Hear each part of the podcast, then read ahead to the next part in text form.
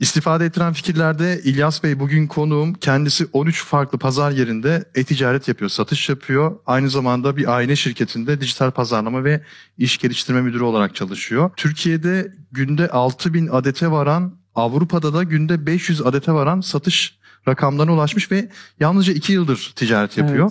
Ee, merak ediyorum hikayenizi. Öncelikle e, hoş geldiniz. Sizi Hoş tanıyabilir miyim? Ee, hoş bulduk. İsmim İlyas Bayhan. Adıyamanlıyım. 2011 Kayseri Erciyes Üniversitesi Halk İlişkiler ve Tanıtım bölümünden 2015'te mezun oldum. E, Mezun olduktan sonra e, aile şirketine geldim. Tekstille uğraşıyoruz. Erkek ve kadın kıyafetleri üretiyoruz. Sıfırdan bire gelmedim. Birden ikiye geldim. Çünkü ailem zaten sıfırdan bire getirmişti abilerim. O yüzden hani e, şimdi sıfırdan bire geldim dersen bir haksızlık olur. E, bir destek vardı. Geldikten sonra üniversiteden çıktıktan sonra bir boşluktaydık. Herkesin düştüğü bir boşluk oluyor. İşe adapte olmaya çalışıyorum. Aile toplantılarına katılıyoruz bizim işte şirkette yaptığımız toplantılar. Büyük bir şirket mi? Yani 160 kişi var çalışan. İşte toplantılarda tabii üniversiteden mezun olmuşuz. Biraz kanımız kaynıyor. Bir şeyler yapmak istiyorum ama 2011'den beri de dijitalin içindeyim. Yani bulduğum tüm kaynakları okuyorum. İşte o zamandan beri Adam Grant, işte e, Walter Isaacson kitapları okuyorum. Böyle bulduğum kaynakları sizin videolarınız. Özellikle yani zaten YouTube o zamanlar yazdığımızda işte siz çıkıyordunuz, izliyordum. Ondan sonra toplantılara katılıyordum. Şöyle şöyle yapmamız gerekirken e, şunları diyordum. Ya biz toptancıyız. Bunlara gerek yok. Para kendi bizim işimiz değil. Sen üniversiteyi bitirdin çok biliyorsun falan dediler. Baktım bu iş olacak gibi değil. Ailemin de desteğiyle Malta'ya gittim dil eğitimine. 6 ay Malta'da kaldım. Oradan geldikten sonra artık dijitalle ilgili bir şeyler yapmanın zamanı geldiğini düşündüm. Böylelikle ailemin de desteğiyle dijital sektöre girdim. Yani Adıyaman'da doğdum büyüdüm. Toprak evde doğdum. 7 yaşına kadar inek otlatmaya götürdüm.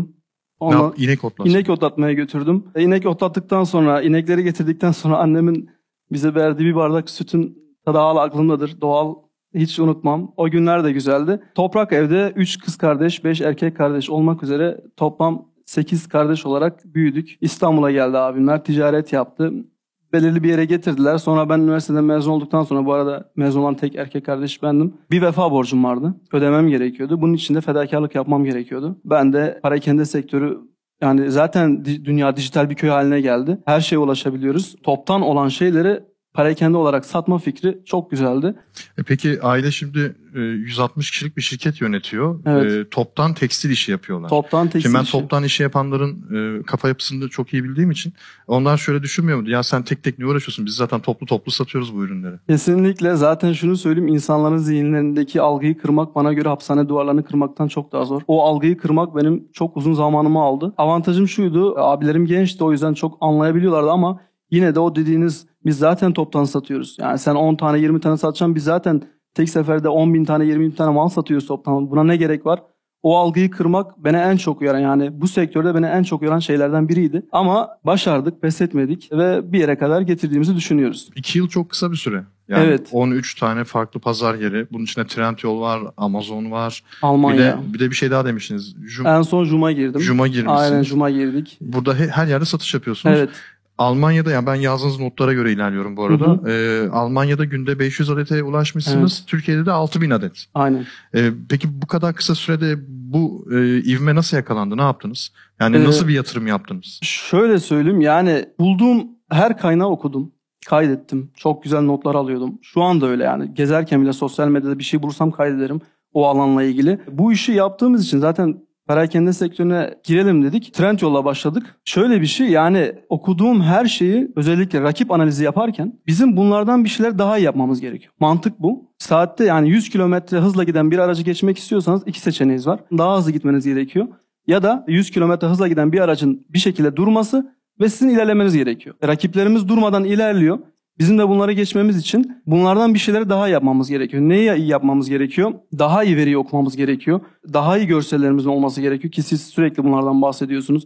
Görseller, başlıklar, ürün açıklamaları artık bunlara da geçtik. İşin en zor kısımlarından biri bir ürünü oturtmak yani yorum almak. İşin lansman kısmı insana en çok yoran kısım. Orada da biz zaten çeşitli şeyler denedik. Orada da ben bahsettim. Daha hızlı yorum alabilmek için uyguladığımız bazı farklı taktikler vardı. Film replikleri kullanmışsınız. Aynen yani örnek e, burada da ya insanlar mesela bir ürünü aldığında içinden içinden e, klasik bir not çıkar. İşte ürününüzden memnun kaldıysanız lütfen yorum yapınız. Ya da işte geçen gün sosyal medyada bir viral oldu. Puma'nın bir kartı çıktı işte bu ürünün hazırlanma hikayesi. Bana çok klasik geldi çünkü ben onu 3-4 yıl önce görmüştüm zaten. Biz şöyle bir şey yapıyoruz. Ürünün içine bir film repliği koyuyoruz. Film repliğinde de bazı filmlerden işte aldığımız replikler. Örneğin şöyle bir repliğimiz vardı. Çok yorum gelmişti ona. Will Smith'in başrolde oynadığı Esaretin Bedeli adlı filmde Red Andy'ye dönerek şöyle der. Unutma Red, umut kaybedilmez ve umudunu kaybetmeyenler bir gün mutlaka kazanacaklardır diye. Altını da şöyle yazıyoruz. Sizlerin e, umudunuzu kaybetmemeniz için, sizlere en iyi ürünleri vermek için çalışıyoruz. Eğer ürünümüzden memnun kaldıysanız lütfen bize yorum bırakın diye. Ürün ne mesela giden? Tekstil ürünü, kıyafet, aynen tişört gibi ürünler. Çok güzel dönüşler aldık. Yani insanlar klasiğin dışına çıkmak gerekiyor. Yani bir kere pazarda yer edinmek istiyorsanız klasiğin dışına çıkmanız gerekiyor. Harıl çalışıyoruz yani gece gündüz. Benim şu an buradan bile çıktığımda eve gittiğimde şu an bilgisayarım açık. İki yıldır o bilgisayarın fişini hiç çekmedim. Yani işe gittim. iki yıldır o bilgisayarımın işte hiç fişi çekilmemiş. Zaten mobilden sürekli giriyorum, kontrol ediyorum. Eve gittiğimde de devam ediyorum. Yani kolay olduğunu söyleyemem. E-ticaret bana şu an deseniz ki şurada bir mağaza açacağım. Şu mağazayı bir açabilir misin? Çok rahatlıkla yaparım. Oraya boyacıyı, badanacıyı, elektrikçiyi koyar. Bir şekilde iki haftada bitiririm, hazır hale getiririm, ürünlerimi koyarım sonra müşteri beklerim. Ama e-ticaret böyle bir şey değil. Yani bunu siz bizden daha iyi biliyorsunuz. Ürünü koyuyorsunuz, büyütüyorsunuz, lansman, yorum, emekleme, ayakta tutma. Yani biz Trendyol'a girdiğimizde 100 bin satıcı vardı. 26 Ekim 2020'de. Bu sene 240 bin satıcı var. Bir yılda 140 bin yeni satıcı ekleniyor. Arkanızdan bir ordu geliyor.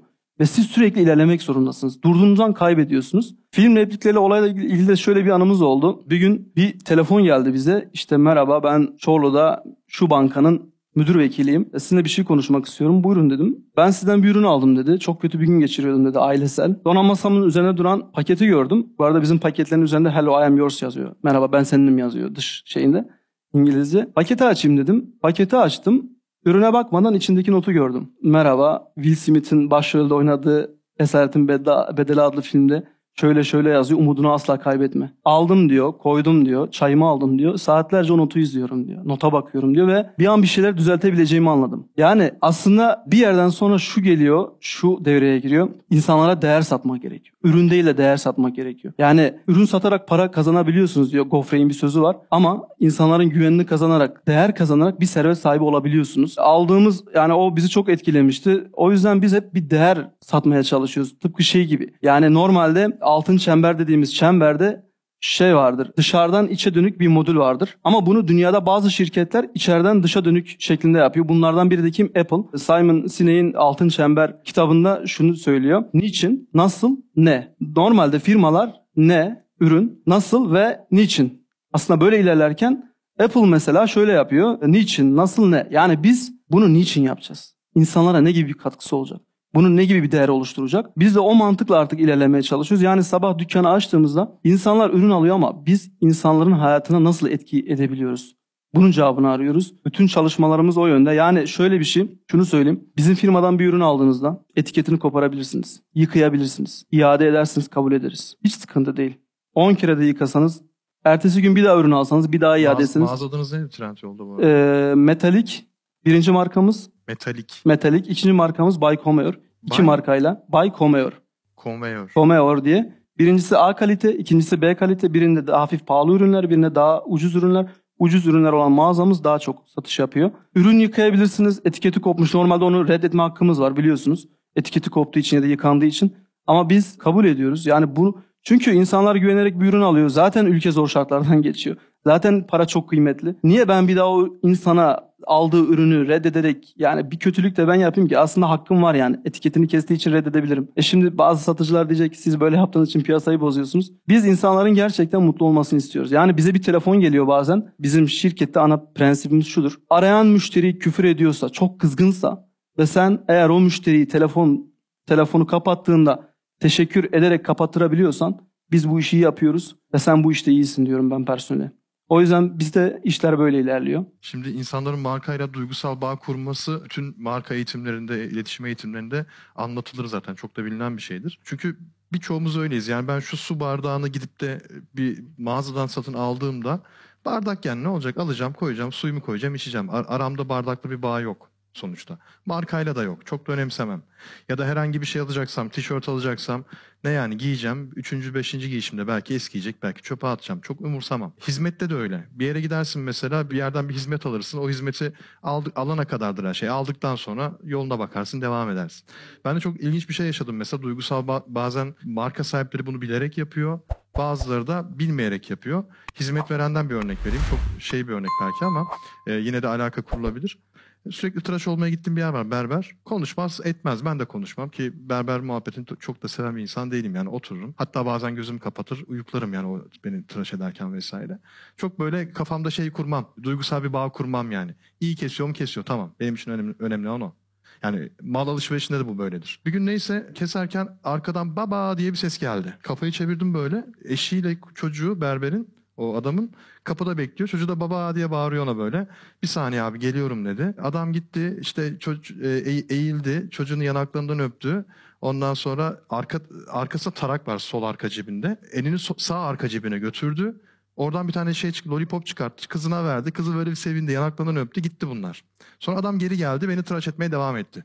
Ben o noktada mesela hiç adamla sohbet etmiyorum. Gözlerim bile açık değil. Kapalı. Ben böyle tıraş oluyorum normalde. O an farklı bir şey hissettim. Çünkü ben de kız babasıyım. Yani kendimden bir şey buldum orada. Ve adamla sohbet etme ihtiyacı hissettim. Gözümü kapatmanın, adamla konuşmamanın sanki ona ne bileyim saygısızlıkmış gibi bir şey hissettim. Ve o günden beri e, daha farklı bir diyaloğum var o, o kişiyle. Ne oldu? O kendi markası verdiği hizmet aslında biraz farkında olmadan e, yaptığı işin alın teriyle kazandığı paranın ne kadar değerli olduğu, olduğunu bana hissettirdi. E siz de mesela işte tişört, basit bir tişört. Şimdi o Will Smith'in sözü ne alaka baktığınız zaman? Yani tişört almış adam. Evet alakası yok. Ama o anki yaşadığı, içinde bulunduğu durumla o notu kendine bağdaştırdı. Bir duygusal bir bağ kurdu ve onu yaşadıktan sonra sizin artık bağ- size bağlanan bir müşteri haline geldi. O yüzden bence çok başarılı bir yöntem bu. Ya bu konuda özellikle bizim kırmızı çizgimiz. Ben zaten üniversitede de halkla ilişkiler tanıtım bölümünden mezun olduktan sonra bu arada Steve Jobs hayranı biriyim. Ondan sonra Elon Musk çıktı ama ben Steve Jobs hayranı bir insanım. Bütün kitaplar, onunla ilgili kitapları okurum. Takıntılıyız biz bu konuda, prensipliyiz. Zaten bu işi yapan insanların bir tık takıntılı olması lazım, prensipli olması lazım. O yüzden kesinlikle biz yani bunu gerçekten ilk başlarda yorum almak için yaptık ama sonradan bizim bu dükkanı açarken insanlara bir değer katmamız gerekiyor. İnsan çünkü zor dönemden geçen bir ülkede küçük de olsa elini taşın altına koymak bence çok değerli. Yani insanların yüzünde bir nebze de olsa bir gülümseme oluşturabiliyorsak ben o açıdan yaptığım işi çok seviyorum. Çünkü şu an bile bizden bir ürün alsanız solda QR kod var ve sizi güzel bir şarkıya yönlendiriyor. Mesela geçen öyle bir yorum gelmişti. Ya şarkıyı açtım çok beğendim. E, çok teşekkür ederim bu şarkı için. Yani ürünle ilgili yorum yapmamış, şarkıyla ilgili yorum yapmış. O yüzden e, mesela yakın zamanda bu Cumhurbaşkanlığı kararıyla da e-ticaret kanununda bir takım değişiklikler oldu. İadelerle ilgili özellikle. Özellikle elektronik grubundaki iadeler keyfi iade edilemiyor. Ama sizin gruptakiler iade edilebiliyor ama iade ücretinde e, eğer ürün kusurlu değilse müşteri ödüyor. Bu onaylandı ve yakında başlayacak. Ekim'de E, giriyor. Ve bu tekstili bence etkileyecek. Çok etkileyecek. baktığınız zaman satıcı tarafından baktığınız zaman çok güzel bir şey. Sonuçta tekstil yaptığınız için bu konuyu açtım ben. Çok fazla iade alıyorsunuzdur yani %10 kesin iadeniz vardır diye Yüzde tahmin ediyorum. 5 mi? Yani çünkü Tamam. biz iade konusunda çok iyiyiz. Ya o bile Üretim kendi içimizde aslında. olduğu için çok iyi. Normalde doğru oran %10'dur. Ama bizim üretim kendi içimizde olduğu için kontrolü kendimiz yaptığımız için yani dışarıdan mal aldığımızda biliyorsunuz bu oran %10 ve üzerine çıkıyor. Ama bizim %5 o da üretim bizde olduğu için. Ama haklısınız normalde %10. Şimdi normalde benim eşim de öyle, ben de öyle. Hani bir ürün alırken güven içerisinde alıyorsun diyorsun Hı hı. ki ya ben bu bana olmazsa, fotoğraftaki gibi de değilse ya da beğenmezsem, keyfi bir iade yapacaksam ben bunu geri iade ederim. O kafayla rahat rahat alışveriş yapıyoruz. Ama şimdi mesela ne oldu? Ee, bu kanundan sonra insanlar biraz da e, bir tık çekinecekler. Ya ben bunu iade edersem kargo bedeli ödeyeceğim. O yüzden ben bunu buradan almayayım da gideyim e, işte Adidas'ın mağazasından bakayım, orada deneyeyim üzerime. Öyle alayım daha iyi demeye başlayacaklar. Çünkü gerçekten 1 liranın hesabını yapan e, çok fazla insan vardır Türkiye'de. Yani belki siz yapmazsınız, belki buradaki birçok kişi yapmayabilir ama e, %80 yapıyor buna eminim. Burada ne yapacaksınız yani? Burada ne gibi aksiyonlar alacaksınız? Evet bu konu bizim de üzerine düşündüğümüz bir konu. Hatta geçen gün bununla ilgili küçük bir toplantı yaptık. Zaten insanla ben iki gün önce sosyal medya hesaplarımda bir anket yaptım. Yani internetten neden ürün almazsınız diye bir anket yaptım. Orada da en çok tıklanan şıklardan biri şuydu. Ya uğraşamam büyük ya, ya da küçük geldi diye.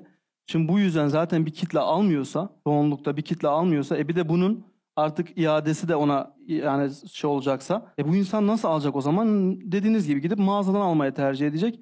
Hani ben şurada şu an Ekim'de yürürlüğe girecek belki şöyle bir şey bekliyorum. Olur da hani belki Trendyol'a da diğer pazar yerleri Tamam böyle bir kanun var ama satıcı isterse bunu yine üstlenmek istiyorsa okudum onayladım butonuna bassın gibi bir seçenek sunarsa biz yine okudum onayladım butonuna basacağız. Yine kabul edeceğiz. Çünkü zaten çekingen bir e, kitle var.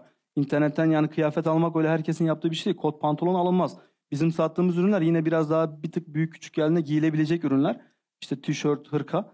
Ama kot pantolon bir tık büyük gelse giymiyor insan. O yüzden bunu kısaltması şuyu buyu. O yürürlüğe girdiğinde onunla ilgili bir aksiyon planımız açıkçası şu an ne olacağını tam bilemiyoruz. Kestiremiyoruz. Ekim'de girecek. Eğer Trendyol ya da diğer pazar yerleri bize bir seçenek sunarsa tamam böyle bir kural var ama siz tutarın sizden karşılanmasını kabul ediyorsanız onaylayın da biz onaylayacağız. Öyle, öyle olacak zaten. Biz onaylayacağız Bazı ürünlerin yani. işte tepesinde ücretsiz iade ikonu olacak Hani mesela. diğer Ha. satıcılar bana kızacaklar yani bize kızacaklar. Niye böyle yapıyorsunuz? Niye piyasayı bozuyorsunuz diye ama üzgünüm yani insanları mağdur edemeyiz ve e, satış yapmamız gerekiyor. Ya herkesin fikri kendidir. Evet. Orada bir şey diyemeyiz tabii. Peki şu an e, ben biraz daha başa döneyim de Trendyol'da günde 6000 satış güzel bir sayı. Yani iki- Kasım 2021'de ulaşmışsınız bu sayıya. Almanya'da 500 e, adet de çok iyi bir sayı. Ki Almanya'daki 500 adetin karı muhtemelen Trendyol'daki 6000 adetin karından daha fazladır diye 50 tahmin tanesi ediyorum. bile karşılıyor. 50 tanesi karşılıyordur diye tahmin ediyorum. Ama burada biraz yatırım yapmak gerekiyor. Para harcamak gerekiyor. Ne kadar para harcadınız ve ne yaptınız o parayla? Ee, şöyle biz Trendyol'a girdikten sonra sattığımız ürünleri neden Amazon'da da satmayalım, Almanya'da satmayalım diye bir fikir doğdu. Zaten satıyoruz. E, bu ürünler iyi de gidiyor. Bu ürünler orada da satar mı? Bir araştırma yaptık ve satar diye düşündük. Çünkü benim bir arkadaşım var. Şu an e, Almanya'da yaşıyor. 3000 adet satıyor günde. Onunla da sürekli konuşuyoruz. O dedi ki yapabilirsiniz dedi. Girin dedi. Neden? Zaten üreticisiniz dedi. Ben üretici değildim. Üretici değilim dedi. Aynı malı başka yerden alıyorum ama siz zaten bu malı üretiyorsunuz. Girin dedi. Burayı bir laboratuvar gibi kullanıyoruz Türkiye'yi. Burada deniyoruz. Tutuyor. Burada devam ederken bir yandan da hemen o ürünü Amazon Almanya. Almanya'da satmaya başlıyoruz. Orada satıyoruz. İlk FBA yaptık. Hala da FBA yapıyoruz. Ama öyle 3-5 ürün, 100 ürün göndermiyoruz. Tek seferde 15 bin ürün gönderiyoruz. 15 bin. Aynen 15 bin 20 bin ürün gönderiyoruz. Oraya çünkü stok olayını siz çok iyi biliyorsunuz. Stoklu girmek her zaman avantaj. Sonra biliyorsunuz Almanya'da e, Amazon'da sattığınız zaman kargo paketin içine 3 ürün de koysanız tek tek faturalandırıyor. Fark etmez. E, biz de bunun önüne geçmek için ne yapalım dedik? FBM yani kendi ürünlerimizi kendi depomuzdan satalım diye. Orada bir depo tuttuk. Şu an hem Amazon'un Almanya deposuna gönderirken hem de kendi depomuza ürün gönderiyoruz. Orada personelimiz var. Amazon'dan gelen siparişleri paketliyor. Üçlü, dörtlü neyse koyuyor pakete gönderiyor. Pazarlamaya ne kadar harcadınız Almanya'da? Yaklaşık herhalde şu ana kadar 150 bin euro harcadık. 150 bin euro. Aynen. Ne yaptınız o parayla? Ne yaptık? Ee, yer tutma olayları, kira onları geçiyorum. Tabii, tabii. Pazarlama ile ilgili e, reklam bütçelerine çok ayırdık. Lansmana çok ayırdık. Reklama ayırdınız. Ha, lansman. Sadece reklam yaptınız lansmanda? Aynen sadece reklama çok çok ayırdık. Şey giveaway bedava ürün dağıtımları Evet, evet yaptınız. onlar zaten işin artık olmazsa olmazları girme- girmiyorum bile. Çünkü Evet. siz zaten o olaydan en az 50 videoda bahsettiniz. Onları nerede yaptınız? Almanya'da çünkü açıkçası e, Türkiye'de şey Amerika'daki gibi rahat platformlar yok. Evet, E, onları ulaşılabilir nerede? yerler yok. Ee, nerede yaptık? Orada bizim bu işleri yapan bir arkadaşımız var. Çevresi de var. O buldu. O bir topluluk kurdu. O toplulukla güzel bir şekilde yani çok yakalanmayacağımız şekilde algoritmaya o şekilde bir lansman yaptık. Tuttu. Ha zorluklarla karşılaşmadık mı orada? Yani e, örneğin mesela Çinliler giriyor hesabınıza ve sizi stoksuz bırakıyorlar. Biz bir gece aniden bir baktık. Bizim ürünlerin hepsini stoksuz bırakmışlar ve işin ilginç yanı hepsine kötü yorum yapmışlar. Yani Sonra bittik diyorsun, mahvolduk Ne diyorsun. yaptınız ondan Der- sonra? Ne yaptık? Bir kısmını tespit ettik. Çünkü nereden tespit ettik? Aynı isimde aynı kişi bizden ürün almış, kötü yorum yapmış. Bizim rakip firmaya girmiş, Çinli. Ona güzel yorum yapmış. Biz bunun ekran görüntülerini aldık, screenshotlarını. Amazon'a sunduk. Böyle böyle durum var dedik. Kabul etti. Kabul edince bunun gibi kaç tane yakalayabildiysek gönderdik. Amazon ondan sonra kötü yorumlarda da bir kısmında bize yardımcı oldu. Bir kısmını kaldırmayı da başardık. Hmm, öyle toparladınız ondan Aynen sonra. toparladık. Ondan sonra tekrar devam ettik. Ürünlerimizi satmaya devam ettik. Peki Trendyol'da ne kadar para harcadınız pazarlamaya? Trendyol'da şöyle söyleyeyim. Toplu söylemeyeyim aylık 30 bin TL. Sadece Trendyol içi reklamlara harcıyoruz. Sadece reklam değil mi? Aynen. Orada bedava ürün dağıtım var mı? Trendyol'da bedava ürün dağıtımı yapmıyoruz. Direkt işte reklamla ürünü öne çıkarmaya çalışıyoruz. Bir şekilde yorum almaya çalışıyoruz. Yani Amazon'da yaptığımız gibi giveaway yapmadık Trendyol'da. Reklam bütçeleriyle iş halletmeye çalışıyoruz. Trendyol satıcıların çoğu şöyle bir yorum yapacak, yapıyor da zaten. Katılıyorum da ben bu yorumlara. Trendyol'da gerçekten üretici olanlar para kazanabiliyor. Onun dışındakiler, alsatçılar para kazanamıyor. Ya da ben sizin kapınıza çaldım ya İlyas Bey bana şu tişörtten 5000 tane verin ben bunu Trendyol'da satacağım dersen mesela sizinle rekabet edemem. Çünkü siz üreticisiniz. Siz onu 10 liraya mal edip 150 liraya satıyorken ben sizden onu 70 liraya alıp 150'ye satamam.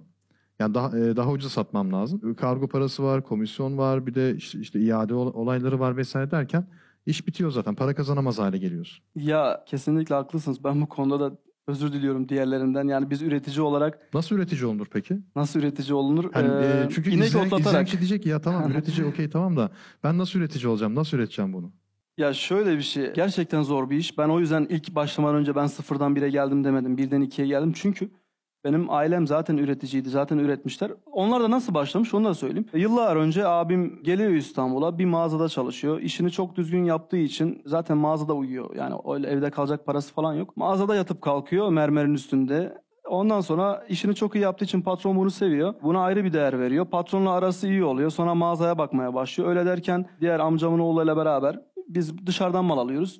Bir küçük atölye açalım. Bunu kendimiz üretelim. Önce atölyelerden almaya başlarken sonra kendimiz bir atölye açtık. Sonra büyütüyorsun. Yani ipliği makine- alıp ya da kumaş alıp dikiyorsunuz anlamında. Aynen. atölye. Alıyorsun, ipliği alıyorsun, kumaşı alıyorsun, bir atölye kuruyorsun, makineler kuruyorsun, oraya personeller buluyorsun. Sonra önce ke- malı kesiyorsun, kesimhane kuruyorsun. Sonra diktiriyorsun. Sonra ütü paket işi yapıyorsun. Ütü paket kendin de yapabilirsin. Dışarıdan da veriyorsun. Derken malı kendin üretiyorsun. Yani dediğiniz konuda e, kesinlikle hak veriyorum. Eskiden butikçiler çoktu. Yani hatta e-ticareti butikçiler yapardı. Yani üzülerek söylüyorum bizim gibi üreticiler girdikten sonra iş bambaşka bir seviyeye geldi. Bir butikçinin bizimle rekabet edebilme şansını ben çok olası görmüyorum. Çok zor. Çünkü niye derseniz 40 liraya mal ediyorum. Yeri geliyor 42 liraya bile ben ürün satabiliyorum yani. Diyorum ki gitsin 15 lira benden gitsin 20 lira benden gitsin hiç problem değil diyorum. Peki Çin'den ithal ettirilip e, o ürünler dikilmiş halde, ütülenmiş halde, paketli halde. Tişört örneği verelim. Şu üzerimdeki tişört. E, Türkiye'de dikiminden, üretiminden daha ucuza gelmez mi Çin'den ithal etmek toplu bir şekilde? Eskiden öyleydi geliyordu ama bu pandemi döneminde Çin bütün konteynerlere el koydu. Yani şu an dünyada bir konteyner krizi var. Şu an Çin'den mal getirmek isterseniz konteyner bulamazsınız. Ya da bulduğunuz konteyner size 6 ayda gelir. Ben bir ürünü bulacağım, buraya getireceğim, 6 ayda bana ulaşacak, o ürünü satacağım çok zorlaştı. O yüzden şu an Türkiye bu konuda cennet. Tekstil ülkesi zaten. Yani bu çok büyük fırsatlar var. Biz üreticiler de e-ticarete girerek biraz bu e-ticaret zaten şu an Trendyol'a bile girin. Çoğu üretici %80 e, tekstil ürünleri satan firmalar üretici. Üreticiler birazcık işi bozdu diyebilirim. Çünkü üreticilerin hiç acıması yok. Şunu da söyleyeyim hazır acıması yok demişken. Şimdi ben milenyum kuşağıyla çalışan bir insanım. Çünkü ofiste çalışanlar 18 ile 25 yaş arasındaki çocuklar. Bilgisayarcı çocuklar. Ama ailedeki insanlar da 30 yaş üzeri insanlar. O kuşakla bu kuşak arasında kaldığım için ikisini çok iyi e, harmanlayabiliyorum. O kuşağın avantajı şuydu. Çok cesurlar. Yani bazen diyorsunuz ya ya bu adam nasıl para kazanmış fikriyle şu fikirle nasıl para kazanmış nasıl üretici olmuş diyorsunuz. Korkmadan bir işe girip, girebiliyorlar. Ben onlarda onu gördüm. Mesela ben abime diyorum ki ya şu maldan 300 tane üretelim bir deneyelim bakalım eğer satarsa 10 bin yaparız. 1000 üret diyor yani 300 uğraşma diyor 300 ile. Ya biz satalım önce bir şey yapalım bir görelim ya 1000 üret diyor. Yani o neslin avantajı bu. Korkusuzca ticaret yapma ama şu an e-ticaret buna izin vermiyor. Çünkü onun depolama alanı, o ürün elinde kalabilir, istediğin gibi gitmeyebilir. Ben de onun hesaplarını yaparak o 1000 derse ben 300 arada 400 yapıyorum. 100 artırıyorum. Çünkü benim bir depom var. O depoyu iyi kullanmam lazım. Raftaki bir malın tozlanmaması lazım. Çünkü rafta bir mal tozlanıyorsa o mal gitmiyor demektir ve zarar ediyorsundur. O yüzden böyle bir iş akışımız var. Ve bence şöyle bir şey de var. Türkiye'de üretici olup da pazar yer, yerlerinde internette satış yapmayan çok büyük bir kitle var. Ee, Kesinlikle. üreticiler var. Bunlara ulaşmanın en güzel, en kolay yolu da ki ben bunu defalarca birçok videoda söyledim. Hatta Trendyol'un Instagram sayfasında bazen canlı yayın yapıyorum. Ben orada da anlatıyorum. Fuarlar. E, bu fuarlara katıldığınız zaman tanışın orada üreticilerle. Bir, en azından bir tanışın yani. O ürünü satmasanız bile tanışın. Ne yapıyorsun? Başka nerede satıyorsunuz? Bayilikleriniz var mı? Göreceksiniz ya her 10 üreticiden en az 3-4 tanesi hiç online'da satmıyor. Eminönü'nde ben çok denk geldim. Antika lamba yapıyor adam ve eliyle yani kendi yapmıyor tabii de elemanları var atölyesi. Atölyede eliyle üretiyor o lambaları. Cam aslında cam sanatı diyorlar ona. İçine işte çeşitli tasarımlar, lambalar falan güzel bir e, avizeler, e, lambalar yapıyorlar. Hatta şu sizin arkanızdaki şeyin mesela cam olduğunu hayal edin. E, onun gibi güzel de, değişik tasarımlar yapıyorlar böyle. Süslemeli vesaire. Dedim nerede satıyorsunuz siz bunları? Yani bu kadar şey. Ya dedi "Sa- biz sadece bu dükkanda satıyoruz dedi Eminönü'nde. Niye? Çünkü turistler buraya çok yoğun geliyor ve bizden yoğun bir şekilde sipariş veriyorlar. E, internette satıyor musun? Yok. eBay'de var mısın? Yok. Amazon yok. Trendyol Yok oralara biz girmedik uğraşamayız kırılır bu cam biz bunu nasıl paketleyeceğiz nasıl göndereceğiz. Adam hiçbir şey bilmiyor. Ya ben bunu tesadüfen oradan geçerken gördüm mesela. Ya biraz insanın gözü açık olduğu zaman üretici olmasına gerek yok. Şöyle bir gezindiği zaman ben sizi bulsam mesela hiç üretim, üreticiysiniz ve pazar yerinde satmıyorsunuz.